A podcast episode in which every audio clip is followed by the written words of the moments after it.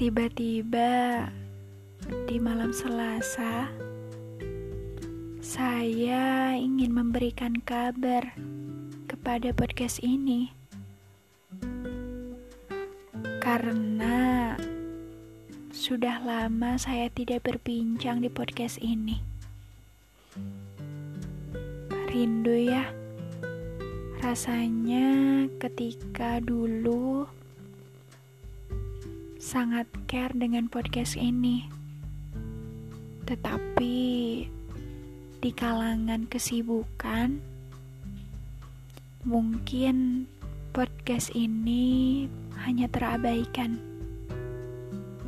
Tetapi saya selalu ingat karena podcast ini yang menjadi saksi berproses saya dari mulai awal sampai saat ini.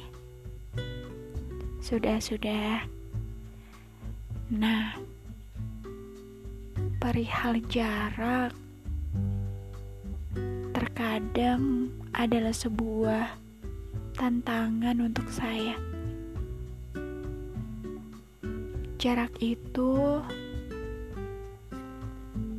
memang membuat saya menjadi gundah terkadang. Tetapi tidak untuk selamanya.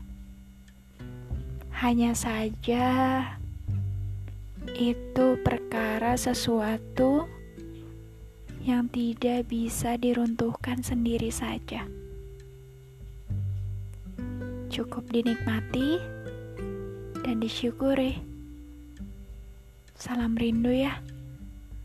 Salam rindu dari 201 km.